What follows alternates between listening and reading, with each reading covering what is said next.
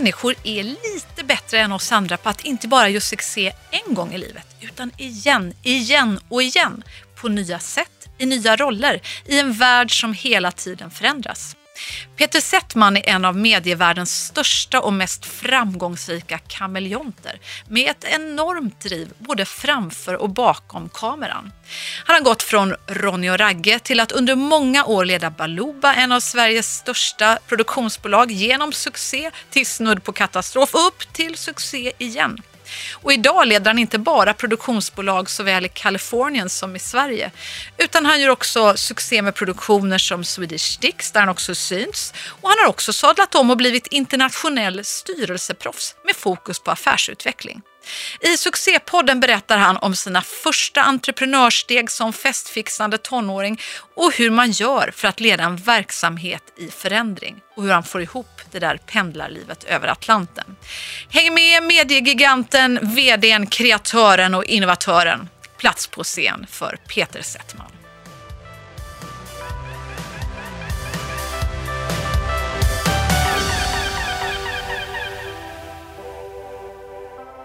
Välkommen Peter Settman till succépodden. Alltså herregud din resa. Alltså eh, jag fattar det nästan inte. Alltså från hela Ronny och Ragge med, med pruttar och grejer till att du idag är liksom värsta styrelseproffset. Mm. Du gör alltså Swedish mm. Sticks-succéer och mm. Men alltså alla pengar som rullar in också. Ja. Herregud, du bara säljer produktionsbolag till höger och vänster och cashar hem en 90 och 50 miljoner hela ja. tiden. Vad hände? Ja, vad var det som hände? Jag, egentligen tror jag det är... Um, jag har nog bara följt fortfarande, eller ja, det är väl det jag gör. Jag följer, jag försöker lyssna på det som, det är viktigt att det är lustfyllt det jag gör. Mm. Och nu har, det, då har jag varit, liksom, har förmånen varit sån att jag kan ta mig fram och tillbaka till, inte vet jag. Eh, jag tycker det är roligt att driva bolag. Jag tycker det är roligt att hitta på nya saker. Det är en bra kombo. Eh, driva företag är bland det bästa du kan göra om du vill om du vill förverkliga någonting som du kanske drömmer om eller tror på och samtidigt på något sätt vara, vara oberoende. Mm. Och då är företagande än så länge det bästa. Så då har det blivit så. Men jag ska vara helt uppriktig, jag, jag tänkte på det här för, en, för inte så länge sedan. Då var det sådär, är det, är det företagare jag är eller är jag egentligen kreativ eller mm. är jag till och med skådespelare? Jag tror faktiskt att det är så här att jag jag är i grunden kreatör och teaterapa. Mm. Det är vad jag är. Mm. Sen har jag i takt med att jag, eh, jag har lätt att lära mig, jag har insett och jag, och jag och är orädd. Det är en bra egenskap. Jag har insett nu, så här, snart mm. 50 bast gammal, att nej, men det är två av mina superpowers. Mm. Om jag, om jag ska liksom mm. göra reklam för mig själv. Verkligen. Jag är orädd och jag är snabb på att lära mig. Har du alltid varit det? Ja, jag tror det. Inte så snabb att lära mig när jag gick i plugget, då gick det lite långsammare. Men när jag hade en motivation, rätt motivation, då lär jag mig väldigt snabbt. Har jag, jag, jag läste någonstans att du startade ditt första produktionsbolag när du var typ 19. Ja, 18 till och med. 18 till och med, herregud, det är inte det många som gör. När jag blev myndig så, så startade jag bolag. så då knallar du in på Bolagsverket och sa, ja, nu är det jag nej, som lägger nu. Ja, men typ, ja. jag startade något, det var ju hopplöst bolag. Det var inget fel på bolaget, men det var ett litet handelsbolag som drog igång och så sålde jag disco, alltså underhållning som man kunde visa på diskon. Jaha, och vad, ja, där, vad är det för någonting? Ja, men det var ju typ allt ifrån underklädesshower Ooh. Ja, det, det var där du började din bana? Det var där jag började. Ja, men Aha, det, underkläder, så, intressant. Ja, men du vet, så här, bo, någonting som heter boomfighting. Där jag släpade, åkte Sverige runt med en jävla stock som satt ah. på två stycken, tänk dig en gigantisk, alltså en riktig stock. Ah. Och på den stocken satt två människor och försökte puckla på varandra med, med eh, någon slags påse. Jaha. Och den som föll av, ja den föll av. Jag hade ju gått ut teatergymnasiet då. Ja. Och så hade jag, ville jag ju jobba med det jag gjorde eller gör på något sätt. Så men... du kände redan innan du sökte till gymnasiet att det var ändå att stå på scen och sådär som var Nej men det ska jag vara ärlig och säga, när jag, när jag växte upp och när jag liksom sökte gymnasiet, då var det karaktärsskådespelare. Mm. Så det var... Det var, var alltså riktigt fin ja, skådespelare. Ja, ja, det var Dramaten var, som hägrade alltså? Det var Dramaten. Men efter gymnasiet så kommer jag ihåg, jag gick på Södra Latin, teaterlinjen mm. där. Då hamnade jag i något sånt där att dels hade jag kommit till insikt om att jag hade lättare att, eh, att kanske göra komiskt skådespeleri. Mm. Och och sen hade jag, det var någonting som gjorde att jag tyckte den här, det här är, vad är det här, 1987 slutade jag. Och då var det så, det var, fanns något kvasi-intellektuellt. Det vill säga att folk gick runt och var lite svåra med flit. Och jag kände mig aldrig hemma i det. Nej. Så att jag nästan var så här, nej, skådespeleriet är inte min grej. Så då, då, blev det, då blev det discounderhållning istället. Okej, Jaha, och vad, vad, vad var mest framgångsrikt här i din första business? Du körde alltså underklädesshower och så Ja. den här stocken då. Ja, stocken. Och Var det något mer, eller? Ja, men jag gjorde ju en hopp, en annan grej som jag höll på att gå helt åt. Den gick ju, jag observera, det här är en 18-årig, 19-årig Ja, ja, Peter Settman du pratar med. Så att jag hade ju lite för mycket hårgelé. Jag, för att se lite tuff ut så vek jag upp ärmarna på min midjekorta skinnjacka. Oh. Och så var jag liksom så här, tjena, jag var ju jag var turnéledare också för, för Glenn Spove, kommer jag ihåg. Okej. Som var en underklädd, han eh, var Jag känner att Sveriges- jag söker här nu i huvudet efter Glenn Glenn Spove. Spove var Sveriges första manliga striptör. Ja. Oh. Han var och körde på backevapen och så. här. Han var ju snygg som ett jävla, du vet. som ett, var han så här inoljad då? ja, han såg ut som Chippendales. Ja. Och så när han var ute på turné, då var jag lite turnéledare för honom också. Okej. Och så var jag så Så- här, så tjena, du jag började- representerar Spove. Oh my goodness. Så det var alltså, okej, du var stripppromoter Ja. och underklädesshowerna, vad var det då? Nej, det var inte så farligt som det låter. Nej. Det var bokstavligt talat. Tack. Att, nej, men det, var, det var de snyggaste tjejor, tjejerna som man hade i telefonboken. Mm. Ja. Och jag stuvades in i en Toyota Hiace. Det var, åkte bara i Toyota Hiace-bussar. Ja. Och så spelade jag tuff musik och hade satt upp några lampor.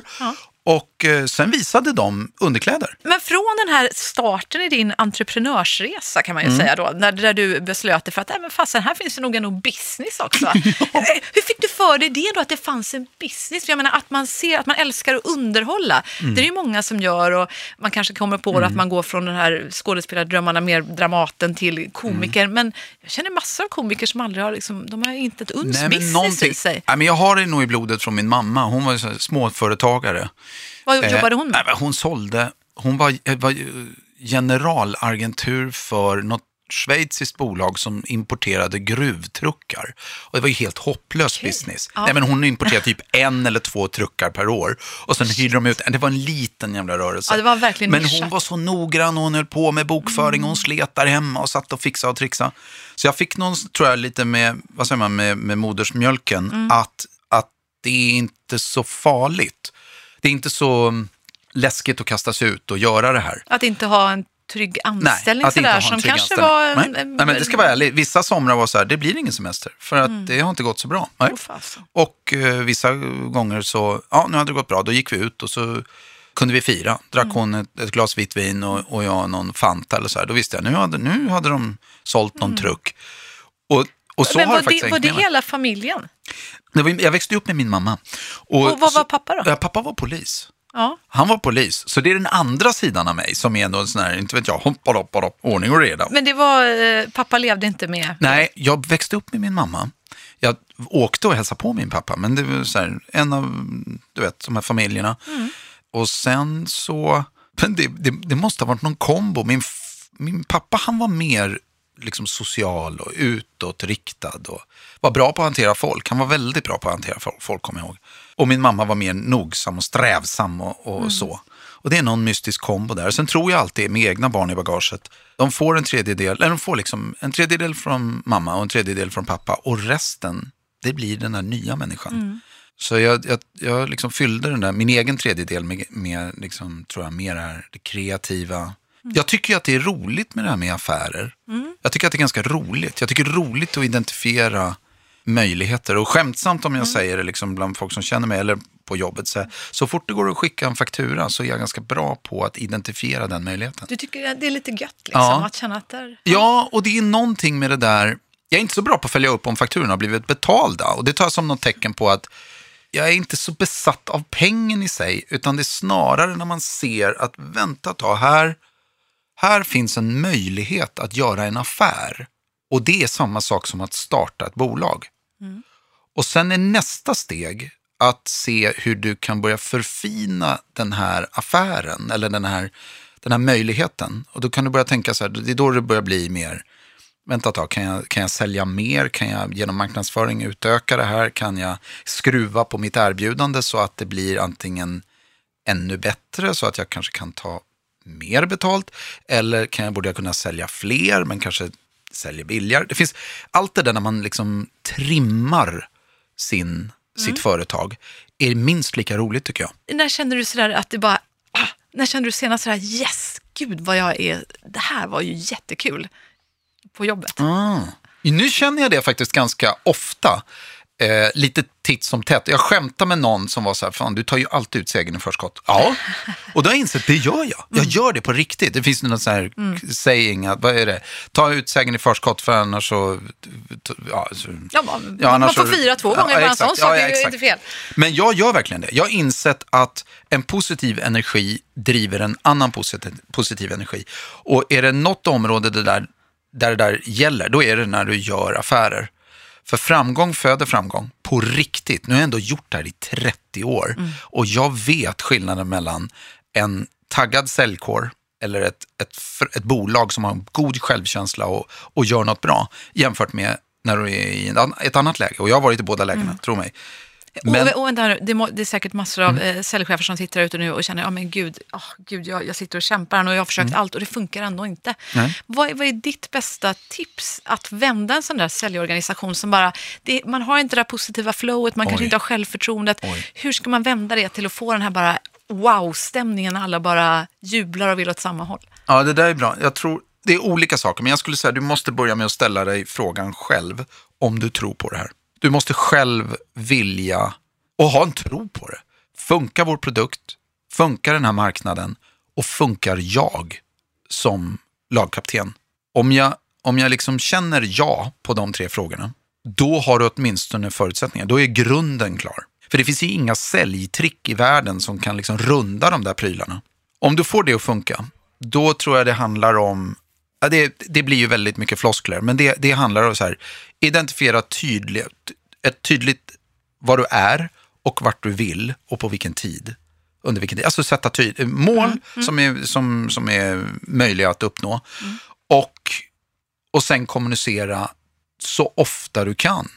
Jobba med de här tydliga målen och bryt upp dem i visuella mål. Alltså så här, har vi sålt tre av den här, om vi säger att du ska sälja, inte vet jag, gruvtruckar, tunnelbanetåg, något som du inte säljer varje dag, då måste du ju bestämma vad det ska vara. Eh, är det små prylar som där du måste sälja tusentals per dag för att få det att funka, då måste du hitta andra visuella mål. Och det andra, förlåt, en annan grej som jag tror är viktigt också, det är när du sätter laget. Så har du identifierat dig själv som en, ja men jag är bra lagkapten för det här. Jag tror på det och jag tror på marknaden, jag tror på produkten. Då måste du också, tror jag på mitt gäng. Och då är det som så att jag tror inte det finns några genvägar. Om du, om du inte har ett bra gäng, då blir det också svårt. Hur gör man då om man har identifierat att nej, vi litar kanske inte på varandra i den här gruppen, den är, den är inte toppen. Kan man bygga upp det förtroendet? Har du varit med om det någon gång? Har du gjort det? Ja, det har Eller jag tror gjort. du? Ja, berätta. Ja, men det har jag, men det, det har jag gjort. När du ibland, när du säger, vad fasiken är det? Jag når inte den här personen. Eller jag känner inte att vi kommunicerar på ett bra sätt. Eller delar vi överhuvudtaget samma värderingar. Då är det viktigt att, att först identifiera vad de här värderingarna är. Vad är dina värderingar? Jag tycker det är en så himla viktig fråga. Ja, det är viktigt. Jag skulle säga att det är så enkla, grundläggande prylar. Liksom. Stå för det du säger, håll dina löften. Tyck, det är toppen om du tycker om andra människor. Att du inte har något konstigt skit, att du är, anser dig för mer. Det finns sådana enkla så här, work hard and be nice. Det finns något i det, liksom. Var så här, lite så bonskt över det. Grundläggande bra, bra kompass. Jag tycker att du ska vara lojal. Har svårt för, ick- för, för ill... Vad säger jag? Motsatsen till Ja, lojal? illojal. Ja, illojal, tack. Det har jag svårt för. Och, ehm, och så måste du, eh, så får, måste du tala sanning. Mm. Måste liksom stå för du stå, eh, inte hitta på saker. För det kommer ju fram förr eller senare. Där någonstans så, så börjar du ju ändå bygga utifrån de värderingarna. Men hur gjorde du här du hade den här situationen? Kände att, nej men fasen lirar vi ens med samma det? jag, värderingar? jag kan ta ett, jag kan ta ett, ett konkret projekt, vi har, eller konkret situation. Vi var i ett läge eh, när vi sålde, det här är under Baluba, det är många, många år sedan. Och det, det gick bra för oss så tillvida att vi sålde fantastiskt bra. Vi gjorde så jäkla många affärer på alla vi hade alla möjliga Berätta affärsområden. här nu, vad, vad hade ni? Nej, men det var? TV, det var tv-program där vi gjorde stora underhållningsprogram. Vi hade gjort Melodifestivalen, det var Dansbandskampen, det var Alltså det var verkligen många och stora program samtidigt som vi på något som heter Baluba Event producerade stora galor och företagsevenemang. Det gick kanon, det var full rulle. Pengarna rullade in, det var de Pengarna bästa tv-programmen. Och... Men problemet var att pengarna rullade också ut. Aj, aj, aj, varför Det vill säga, det då? kontroll på kostnaderna är ju superviktigt. Mm. Och vi var verkligen så full, full fart framåt, hög tillväxt, fakturerade massa. Men, Det bara sprutade men, ut liksom där pengarna, bak. men ja. pengarna åkte ut också. Vi hade alltså väldigt dålig koll på lönsamheten. Mm. Och ehm, då insåg jag att vi var verkligen, det var, det var, riktigt, det var riktigt illa. Och för att samla gruppen kring att vi behöver göra nedskärningar, alltså trots att alla signaler utåt var att det bättre kunde det inte gå, så var inte företaget hälsosamt. Det var som ett partydjur på krogen. Varje natt, full rulle. Du vet, den Ja. som festar längst, det är den personen som en dag inte kommer upp ur sängen för att du har kört sönder systemet. Det exakta hade hänt med företaget. Och av olika skäl så hade vi inte haft kontroll på det här och då var det bara att identifiera och snabbt hitta en handlingsplan. Och den, den svider ibland för att i en framgångssaga så kan du också attraherat människor till ditt företag som egentligen bara funkar i framgång, men de är tyvärr inte riktigt lika bra i motgång. Så vad vi gick igenom var en press där, där några medarbetare helt enkelt, eller det var flera, som, som inte fungerade när vi började liksom kommunicera det tuffa. Men jag valde där och då, och det räddade bolaget, att ett, inte hitta på. In, att en spade är en spade. Är det ett dåligt läge så pratar du om det dåliga läget. Och du kommunicerar i stort sett varje eller var, åtminstone varannan dag om hur vi förändrade det. Och det häftiga var att vi satte upp väldigt tydliga mål som handlade snarare om att rädda. Vi satte upp andra mål som handlade om att kontinuerligt mäta. Och det tredje var ju att driva stenhård kostnadskontroll. Stenhård kostnadskontroll. Och det häftiga var att året därefter sålde vi för, vi sålde för, jag vet inte exakt procentuella tal, men, men vi gjorde alltså det bästa året någonsin på intäktssidan. Men också den, en riktigt, riktigt god lönsamhet. Jag skulle säga kanske den bästa. Så det häftiga, det som jag lärde mig på det här, och glöm inte bort, jag har inte gått Handels, jag har ingen ekonomiutbildning, utan detta är då en, liksom, Det, det är en lallare. Det är en- teatergymnasiet. det är en teater- det är en teaterapa. it, eller gjorde du något mer utbildning Nej, ingenting mer. Nej, det men, det, men det som är häftigt och som jag lärde mig på riktigt var att vad ledarskap i svåra tider betyder. Och att du faktiskt, genom att inte alltid vara den populära Mm. ledaren, också kan skapa en jäkla vi-känsla och en trygghet och en, ett driv framåt. Och Så det, låter måste- det som att mm. kommunikation, att liksom över... Nej, nej, Kommunikation man kan inte överkommunicera Nej. i ett sånt Ja. här läge, låter det som att du säger att våga vara inte- otroligt inte i det läget, inte i det transparent, läget. att våga In- prata mycket. ja. Är du lika bra på att kommunicera privat? Jag tänker som du är inne på själv, jag tänker i, i relation Mm. Nej, och sådär. helt- Hur är du nej. som eh, Nej. äkta man? Ja, men som äkta man tror jag, jag, jag är bra, hoppas jag, på att kommunicera, alltså så här, det, det, ska vi säga, de, de här känsliga sakerna. Jag, jag har svårt att leva överhuvudtaget, det gäller mina vänskapsrelationer också, jag har svårt att leva i såna här på låtsasrelationer. Där man, åh det är bra, ja då, ja då, vi har det jättebra. Det funkar inte för mig. Nej. Däremot vet jag att jag tyvärr är dålig på att kommunicera den här korta, vad hände idag, vad gjorde vi idag, vad gör jag i eftermiddag, hur såg din dag ut? För att du tycker det är ointressant? Nej, eller? ja, kanske. Och, och vill, vad vill du prata om då? Ja, de här djupare grejerna. Men hinner du det då? Jag Ja, tänker, ibland. herregud, jag, försöker hänga med här i alla bolag du säljer Nej, och köper ibland- och styrelseuppdrag och allting. Ja, nej, men Och ibland åka jag det. kors och tvärs Nej, men över. Atlanten. Nej, men så kan det vara. Det kan vara så. Eller jag tror att det är svårt. Jag märker nu en utmaning i, i företagandet som jag håller på med nu med. Vänta, driver- blir, du, blir du anklagad för att vara disträ då? Om du inte Ja. frågar de här Ja, men det vardagsfrågorna? tror jag. Alltså disträ och jag märker nu att jag så det är bra, det är bra för mig att prata om det här. För Ja. jag inser nämligen att jag, ja. nej, men att jag, eh, jag behöver bli mycket mer kommunikativ till mina medarbetare idag eftersom vi har två, förut, eh, förlåt, två kontor. Mm. Ett i Los Angeles, ett i Stockholm i det här nya bolaget jag driver, Brain Academy. Mm. Och då har jag ju ett helt gäng som sitter i Stockholm som inte vet vad fan hände där borta.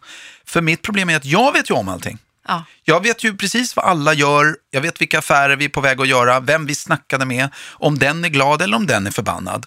Och sen pytsar jag ju ut det där lite till var och en. Så att sen faktiskt ett tag tillbaka så har vi en mer organiserad så här, mötesstruktur när alla tar del av informationen. Eh, Men hur, jag, hur jag lyckas bli du prata med två länder samtidigt? Har, är, de, är man det- uppkopplade eller kör Ja, men det olika? vi. Ja. Ja, vi är uppkopplade. Men- Funkar det då? Äh, sådär. Det ska, ska, så numera så kör de, det är ändå nio timmars tidsskillnad mellan Stockholm och LA. Och det gör att folk blir lite knäppa i skallen, inklusive mig själv. och då så löser man det så att, jag, så att vi försöker göra så att vi, för det första, ett, att det är fler som vet om allt. Så att det handlar inte om att jag ska informera om allting hela tiden, utan att eh, organisationerna det är som en, li, en, li, en ledningsgrupp i LA och en ledningsgrupp i, i Stockholm. Hur många är ni i bolaget? 16 personer. Ja. Mm. Och, och är du en sån där stjärna på att ge feedback till alla och känna att de känner sig sedda? Nej, jag tror inte. Jag, när jag väl sätter mig med människor så hoppas jag att jag är det. Mm. Jag är ganska, eftersom jag tycker om folk. Jag tycker om dem jag jobbar med. Mm. Men jag tycker också, och då kanske jag är lite ortodox, sådär, att man måste... Jag hade en väldigt nära vän, som är fortfarande min nära vän, men som jag jobbade med under många, många år. Och han, han sa så här, ah, nej men jag kom ju till, när jag kom till företaget i början, där, då tänkte jag så här, ah, men då ville man ju att att du skulle berätta allt och man kände sig väldigt lätt så här, ja, jag har inte fått information så jag vet inte vad jag ska göra. Och han sa det, sen en dag när jag ins- satt jag där och gnällde och var sur för att du inte hade berättat vad som skulle ske eller så. Så insåg jag att, ja fast ärligt talat, kan jag skaffa mig den här informationen själv då? Ja, vad menar du då? Nej men jag hör ju folk, de är på dig och så, men ringer man dig då svarar du alltid. Smsar man dig så svarar du ganska alltid. Mailar man dig detsamma. Men det är inte så att jag aldrig får tag i dig om jag på riktigt vill ha tag i dig.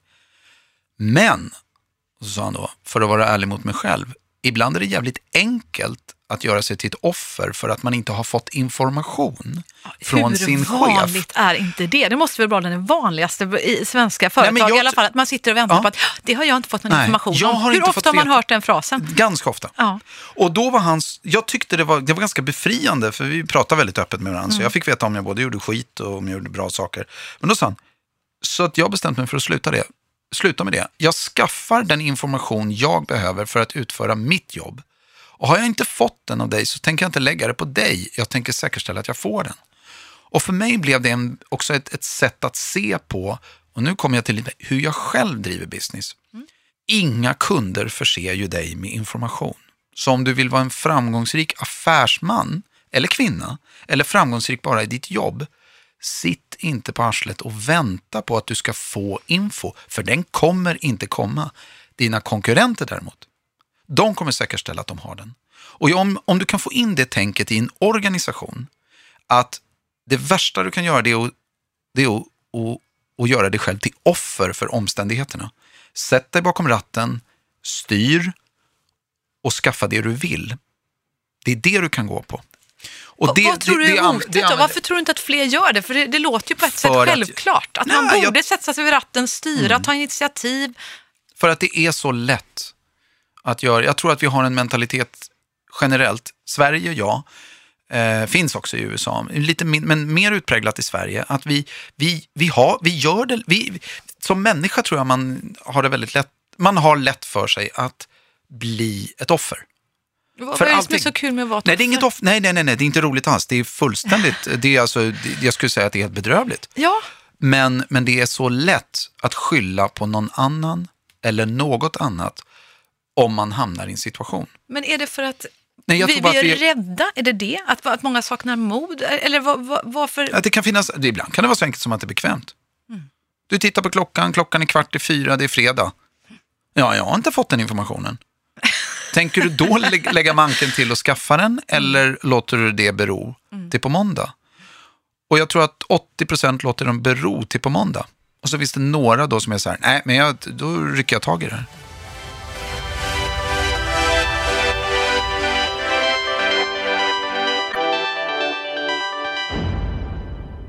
Hur mycket jobbar du? Ja, jag jobbar mycket. Hur, Alltid gjort. hur, Alltid ja, gjort. men hur mycket? Ja, men ja. När börjar du på morgonen? Ja, det beror ju på. Det beror på om jag, liksom, ja, men jag, om jag lämnar barn på, på skola och sådär. Så, då är jag ju uppe, då sitter jag, då är jag på jobbet vid halv nio. Så det är ju inte Men du jättekonstigt. börjar inte kolla och svara på mejl vid, vid sexrycket sådär liksom? Nej, det gör jag inte. Om jag, när, jag, när jag flyger nu över liksom Atlanten, då blir jag ju lite, då finns det ju passager då jag är knasig. Det vill säga att när jag, när jag landar i Sverige så är jag lite konstig då. Så går jag och lägger mig väldigt tidigt, då går jag också upp jättetidigt.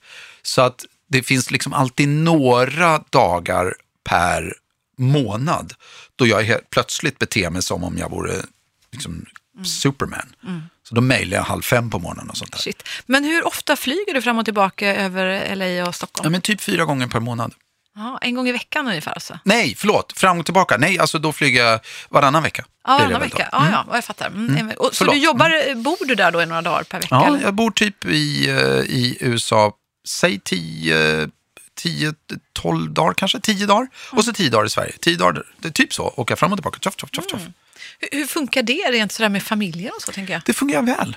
Det fungerar bra. Vi har fått det att funka. Och, och det gör att när jag är hemma så är jag väldigt fokuserad på, på mina barn. Så jag, jag jobbar mer tidsmässigt när jag är i USA än vad jag gör i Sverige. Eh, Så det blir lite varannan veckas liv sådär, Lite fast varannan ni veckas liv, ja, det blir det. är gifta och Ja. ihop. Liksom. Men jag vet ju inte vad det landar i. Jag menar, i det långa loppet så vet ju inte jag. Man kan ju inte, jag kan inte fortsätta åka över Atlanten och, och, och, och hålla SAS lönsamma. Förresten, det är du som bär upp hela SAS. Alltså. Det Det min- de har ju det ändå levt tanke. lite, Det lite jobbigt här tanke. nu. Det Men är det är tur att tanke. de har dig där. Ja, jag brukar, jag brukar tänka så. Ja, ja. Nej, då, men, jag, eh, nej, men det funkar ju inte i långa loppet. Men just nu är det ett fantastiskt, det är så jäkla spännande. Det händer massa saker, jag gör saker som jag aldrig har gjort förut.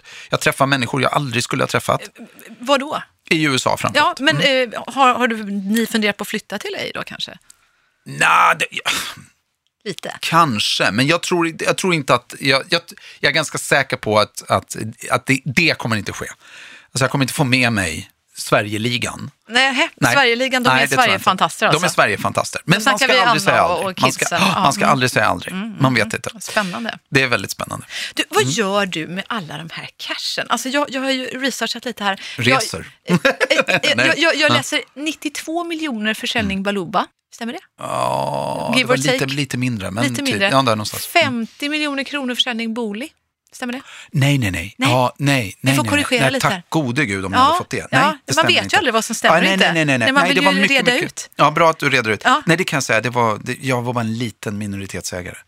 Ja, ja, så att nej, det var... Mm. Det var några millar bara. Jag, jag, jag menar inte att säga några millar så, men jag tror att det kanske gav två, två miljoner, Ja, ja. så här, två, två och en halv kanske. Jaha, och, och vad har du mer för roliga försäljningar i bakgrunden? Nej, men jag har nog inga andra. I annat fall så har jag ju då investerat i stort sett alla mina pengar Och vad investerar du dem i? i start, en del så här, traditionell eh, svensk industri faktiskt. Eh, faktiskt säger jag, men alltså sådär. Ja. som till synes verkar så här, men är det roligt då? Ja, det, men det är Vad välmående. kan det handla om då? Ja, det kan vara allt ifrån eh, företag som bygger bandvagnar Jaha. till olika dammluckor. Till, alltså Oj. så här, verkligen så här, oj. Och, och Eh. vad får dig att investera i sån verksamhet? Att jag, att jag, tror, på, att jag tror på entreprenörerna och företag, företagen som sådana. Är, är det du som hör av dig eller är det de men då- som hör av sig? jag, jag, jag är involverad då i, i, en, i, en, eh, i en grupp där, med människor som, som jag känner och, och som jag har förtroende för, som är väldigt duktiga på att hitta företag ut i landet som, som egentligen andra inte är speciellt intresserade av, men där de ser tillväxtpotential. Och så där de kan säga så här, ja, om man gör så här och så här, då borde det här företaget gå ännu lite bättre. Och eh, den gruppen då är jag, har, är jag med i eller investerat i. Så det är den ena grejen. Annars så sysslar jag med alla med konstiga grejer. Mycket går jag igång på entreprenören själv. Sådär, alltså om Ja. det är en bra entreprenör. För det är nästan så att det är, eller inte nästan, det är alltid så att det är människan bakom idén som får den att fungera, skulle jag säga. Mm. Idén måste du vara beredd, alltså den enskilda företagsidén måste du vara beredd att faktiskt ändra på under resans gång. Men det är kraften i den som gör det som är helt avgörande. Men Peter, saknar du inte det här ändå att vara den här roliga snubben som står framför kamerorna? Alltså, jag tänker, Jo. hela strålkastarljuset. Jo, nej men det har du rätt i. Jag ska, det, det är också en... Eh, nej men, enkelt svar på frågan. Jo, det gör jag. Jag gör det. Jag saknar det av det skälet att det är så, det är så roligt. Det är ett roligt, det är, och, och jag, så här, det är något annat i min kropp som jag aktiverar. Jag kan ju inte säga att jag liksom sitter och... försöka vara roliga killen Nej, i ett styrelse. det kanske inte med- funkar Nej, riktigt. de fattar, de fattar ju ingenting. Nej. Alltså, det, nej, men jag gör så, det går inte hem Nej, liksom det är en helt Nej, annan nej. sida av mig. Men den sidan finns absolut hos mig. Jag, jag hoppade in i ett i ett avsnitt av Swedish Dicks som vi nu andra säsongen. Av olika skäl så, så fanns, fick vi inte ett arbetstillstånd till en svensk skådespelare. Och det här var en, nu skulle det vara en roll som skulle spelas, eh, behövde vara en svensk för Mm. att den ska föreställa ambassadör från Sverige. Så att det var, jag fick bara hoppa in. Och då känner du äntligen. Nej, jag- det var nog inte så här, äntligen. Nej, jag var, jag var den, jag var den, alltså, nej, det tänker jag inte göra. Jag blev övertalad. För jag tyckte att, nej men det ska jag inte göra. Men så gjorde jag det och det var jäkligt roligt. Det är någonting med skådespeleriet. Det är någonting i det där att matcha när, när du jabbar med någon. Jag, kan, jag är inte musiker, men jag kan tänka mig den där känslan av att spela med någon, spela med några, få det att svänga, få det att flyta. Plus att skådespeleri eller, eller programlederi är så otroligt, eh, hur ska jag säga, det är så, vad kallar man det, så här, pang, så får du veta om det sitter eller inte sitter. Det är ingen så här, ja, nej, ja, eh, vi får väl se. Utan pang. Du känner att där satt den liksom. Där satt den. Ja. Så att du får ju, jag, jag tycker att det är roligt. Så jag, jag menar, jag kommer inte... Omedelbar återkoppling Ja, och du ja, vet ja. i stunden att där, där funkar det liksom. Ja, och jag, jag menar, kommer, kommer rätt grej, då, då kommer jag haka på det. Det är ingen snack om saken. Det är snarare att jag, nu är det några år sedan, när jag tackade nej till, till att fortsätta. För Ja. då, var, nej, men då var det faktiskt bara, men där och då kändes det helt rätt. För jag kände att jag behövde göra något annat än det jag just gjorde då. Jag tyckte, jag blev liksom som less på mig själv. Jag tyckte jag var med i tv-program och hela tiden. Jag, Var, var det någon som blev elak mot dig? Nej, Eller? Nej. Varför, varför liksom tappade du lusten för det? Nej, ja, ja, det är svårt att förklara. Det var bara som att jag kände så här, nej, gör du verkligen det där för att du tycker att det är roligt? Eller gör du det bara för att, ja, nej men det, nu gör jag väl det. det jag, bra, pengarna rullar in. Och, Ja. du, du kände att passionen inte det riktigt fanns där på ja, samma det sätt. var någonting sånt. Plus att jag hade fått sån himla blodad tand för mitt nya då, det här Brain Academy. Mm. Och då ska man ju ha klart för sig att jag kan inte, jag, jag kan liksom inte driva en för, jag kan inte driva ett bolag i Sverige och i USA och samtidigt tro, alltså det kommer inte funka. Och då någonstans måste man ju, för att komma någonstans måste man ju vara beredd att offra någonting. Hur långt brukar det ta dig när du ska fatta sådana viktiga beslut och våga säga nej till något och, och liksom göra slut med någon? Är du, är du bra på det? Ja, jag tror jag var ganska, jag, jag, de var lite förvånade när jag sa att jag inte ville fortsätta med de här programledaruppdragen jag hade. Och då var det... Var, Då var de med så här, va? Va? Vadå? och då var det, var det, vad var det för programledare? Var det Parlamentet eller vad? Nej, det var Så ska det låta. Så ska det låta var det ju. Mm, så ska det låta som Ah, var något annat. Och då, jag menar, det var inte så här, vad säger du Peter? Det var snarare bara, eh, va?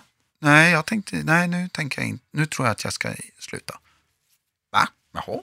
Och sen så tackade jag nej. Sen har jag tackat nej. Inte, inte för att vara svårflörtad, jag bara så här, nu är det där jag gör. Nu får jag, nu får jag foka på det här. Vad är du primärt nu då, om du skulle beskriva vad du gör? Ja, just nu så skulle jag nog säga, nej, eh, nu är jag nog, jag, jag driver det här bolaget, det gör jag och det gör jag med liksom, stor passion. Om du frågar vad jag är så skulle jag säga producent eller regissör. Men och allting- hur mycket lägger du i att driva bolag och hur mycket tid lägger du på att vara den här kreatören, regissören? I det här nya bolaget lägger jag väldigt mycket tid på det kreativa.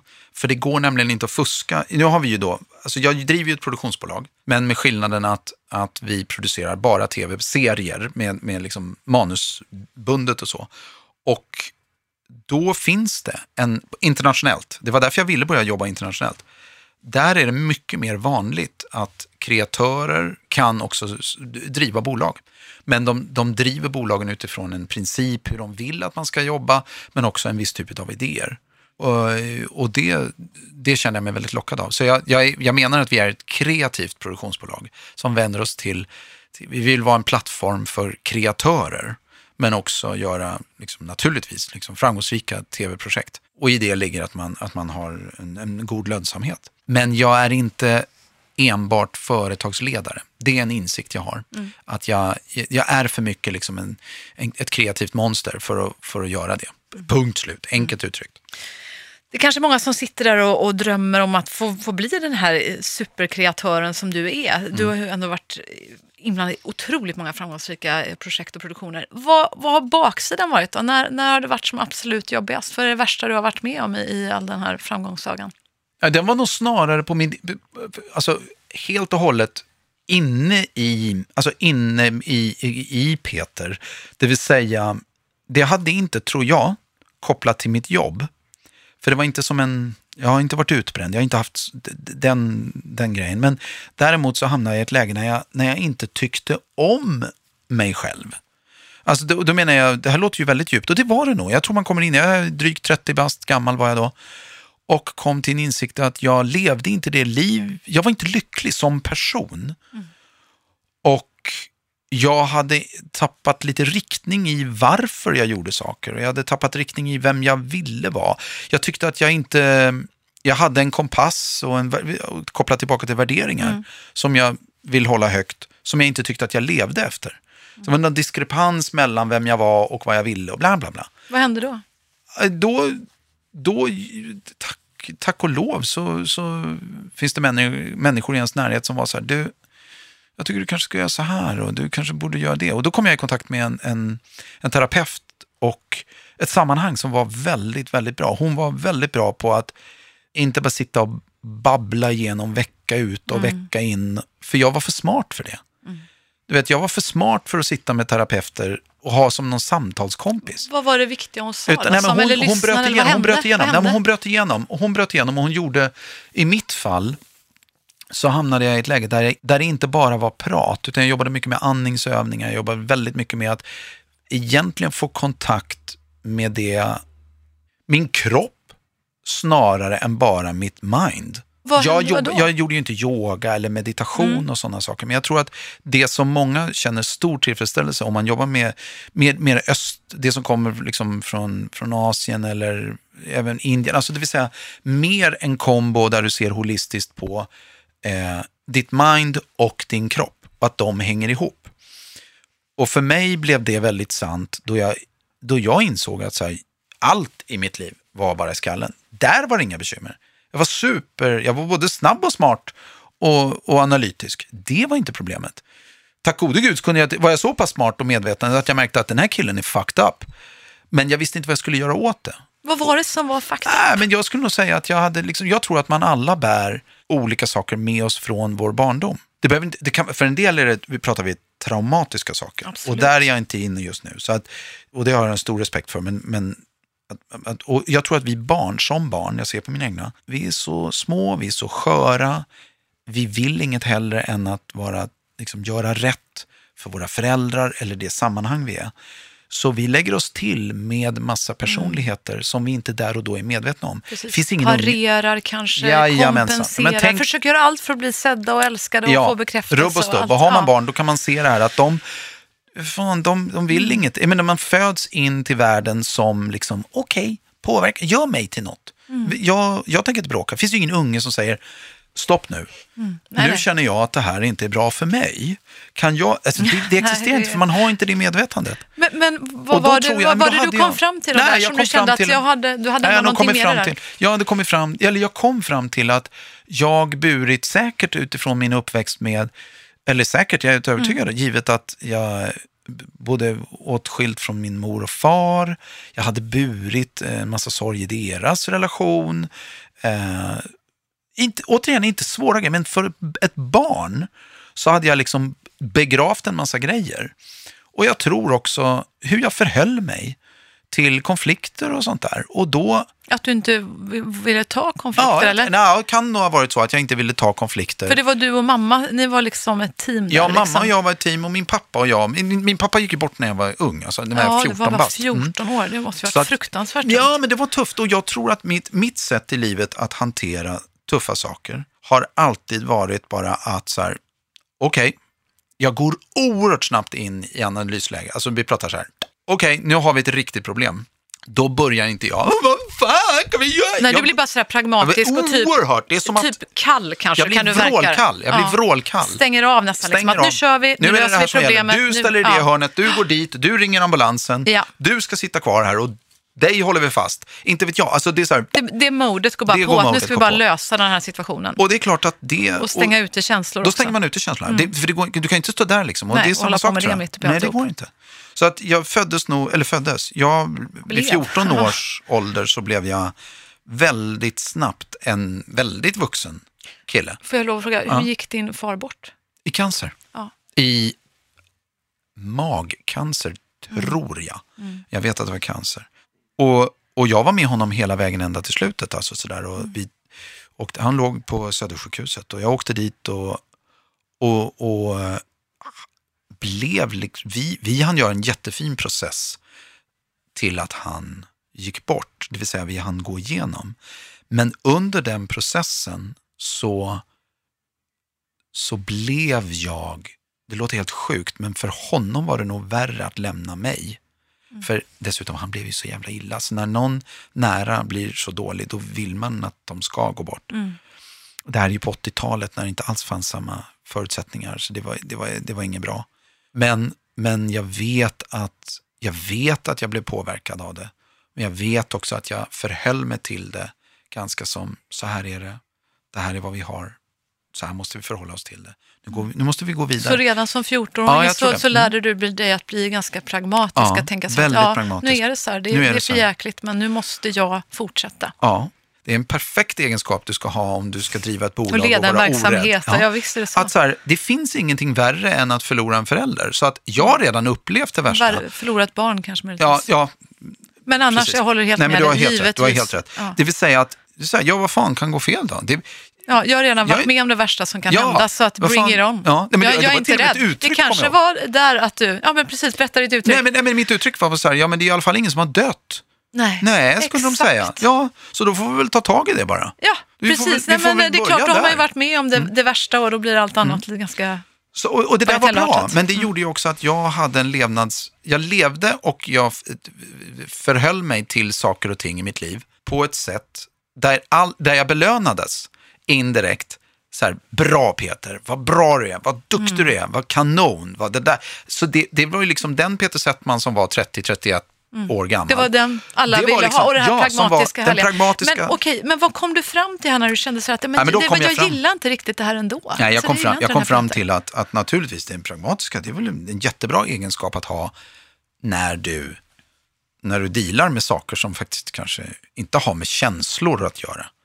Att du kan bryta upp det. Och att, men, men när det handlar om känslor, då är det kanske inte så bra att bara vara pragmatisk. Och det var vad jag hade varit. Så att jag hade, jag hade liksom, tycker jag, jag är, en, jag är en, en mycket, mycket, mycket mer känslosam människa idag än vad jag var när jag var 30. När grät du senast? Oj, men gud, jag gråter som ett... Fan, jag tror jag grät på flyget hem. Vad var det då? då? Nej, det, då kunde det vara. Jag tror, alltså, eller tror, jag vet. Nej, men du vet, alltså, nej, jag vet att jag, jag, jag gråter ganska ofta. Inte, dels för att jag är helt orädd för det. Jag kan gråta av glädje och jag kan gråta av någon slags melankoli eller sådär. Då vet jag när jag lyfte upp sen, eh, ut över, man flyger ju ut på havet från LA så här, zoom, och så gör man en skarr, inte skarp, men en vänstersväng över så här. Och det blir ganska så här, andaktsfullt. Och då var jag så här, "Ah, nu åker jag härifrån och, nu, och då tänkte jag på mina två, eh, två yngsta grabbar som jag skulle, som jag ska träffa. Och då vart jag så här, och då kunde jag bara bli i, den, i det momentet så här. Ja, ja bara, typ. Men Mm. Ja, när man är där uppe på Ja, hög höjd. pappakärleken. Ja, Ja. Då, kunde, då blev jag lite så här tårad i ögonen. Sen kan jag böla, jag gråter åt filmer och herregud när jag flyger flygplan då gråter jag som ett barn. Ja, är det något extra när Det man sitter på någonting. ett plan? Jag gråter Ja. också ofta Nej, på men filmer det på är någon, eh, en, eh, Är det för att man blir lite bortkopplad, kanske kommer närmare sig själv eller att, någonting? det var någon berättade på riktigt att när man är på hög höjd Mm. Eh, så är trycket, det är någonting med trycket är som gör också. att både oavsett män, män, män och kvinnor Ja. blir mer påverkade, alltså eh, emotionellt. Är det därför Så- hela den där 10 000 metersklubben också? Då, eller? Jag tror Folk det. blir Man blir alltså sexuell Ja. och tårögd. Nej, men man blir, man blir, nej men på riktigt, för jag har tänkt på det, jag kan sitta och Nej, böla. men faktiskt, jag också. Titta på vilken film som helst. Ja. Och då sitter jag där. Och jag bara, men gud, vad är det med? Någon gång var det någon som kom fram, hur är det? Och då orkade jag inte ens säga, nej det är ingen fara. Jag bara, det är så jävla bra den här filmen. Satt och grät där. Ja. Jaha, och fasen. Men jag tror kabinpersonalen är vana vid att folk sitter och bölar i stolarna där. Mm, ja, okej. Jaha, där ser man. Ja. Ja, så Nej, så, så Peter kom- Settman har blivit en mer känslosam kille på äldre dagar helt enkelt? Ja, ja, mycket Ja. så. Och det är väl bra det. Ja, det eller hur? väl, det är ju jättebra. Typ. Vad är du mest stolt över när du ser på dig själv idag? Ja, men alltså, natur, alltså sto, ja, det är ju rätt häftigt. Nu har jag, jag har fyra barn. Mm. Eh, min äldsta pojke är 21, min yngsta är 8. Eh, med två olika mammor. Och det är klart som fasiken när både min 21-åring och 17-åring nu berättar och jag märker att de, har, de är män, de är unga män och väldigt olika men berättar på sitt sätt, sina olika sätt vad de, vad de gör och vad de drivs av och hur de har förhållit sig i, i problem. Så kan jag bli så här vansinnigt stolt över så här, ja, det där är en fin människa. Det där, det där, jag, jag, jag, jag och deras mor har gjort bra ifrån oss och nu, nu, nu ska de ut och eh, det där blir bra. Det där är inte ett problem. Så barnen är jag naturligtvis mest, det är jag jättestolt över. Och sen är jag också stolt över alla saker som, som min andra familj, som är eh, mina arbetskompisar. Eh, när vi gör bra saker och som sagt när vi tänker bra grejer, så här, då blir jag väldigt stolt. Så, det, så är det. Okej, har du något eh, avslutande tips till alla som lyssnar nu och drömmer om att också få sälja bolag för eh, över 90 miljoner? Nej, men jag, tror, jag tror så här att du måste, du måste känna lust för det du gör, ingen snack om saken. Och du, ehm, du måste också ha förmågan att eh, omge dig med människor som du kan lita på och att du tar med dem på resan på ett eller annat sätt. Du måste vara beredd att jobba hårt. Och så är det bara. Du måste vara beredd på det. Och du, eh, någon gång tänkte jag på det, du kan inte tror jag, va- tänka att du måste få betalt för allt du gör. Utan, utan eh, du gör det av lust. Det Mm. Passion. funkar för mig i alla fall. ja, mod och passion, det kommer man långt på. Så Hur? tänker jag. Men jag, jag, någon gång får jag väl skriva någon bok så här, sammanfatta. Ja, men ska jag, du inte göra det? Jo, jag får väl göra det. Men jag, Men den är på gång låter det som. Nej, nej. Jag, jag, jag Kanske efter här nej, men Jag tycker att det är svårt, jag kanske. Ja, men jag tycker att det är svårt att förhålla sig till vad det är man gör. För att så mycket gör jag på någon slags rutin eller just det där hur du förhåller dig. Och när kommer vi att se dig i tv eller på filmduken nästa gång? Ja, men det är nog... eh, Ja, det, det, det vet jag inte. Det kanske ja, något, något litet ströjobb sådär vore kul att göra. Men tids nog, allting kommer. Jag känner mig inte så stressad för om jag ska vara uppriktig. Kommer vi någonsin att se dig på Dramaten? Ja, där har du något. Det var ju ändå en passion i början där som vi- inte riktigt har realiserats Nej. än. Vore inte det kul? Det där var ju farligt att du sa. Just det. Ja, Det kanske blir så. Jag ser någonting Ja, som ändå glimrar till men i ögonen Nu var det en utmaning som inte, som inte var... Just det. Ja. Bra. Ja, men med det sagt då Peter. Hamlet, Macbeth. Tusen tack för att du Tack kom till snälla. Succépodden Ja. och det ska bli otroligt spännande att följa dig framöver. Ja, tack. Hoppas vi ses på Dramaten en vacker dag. Ja, ja, jag ska skicka friplåtar. Ja, det låter underbart. Bra. Tack. Hej. Hej.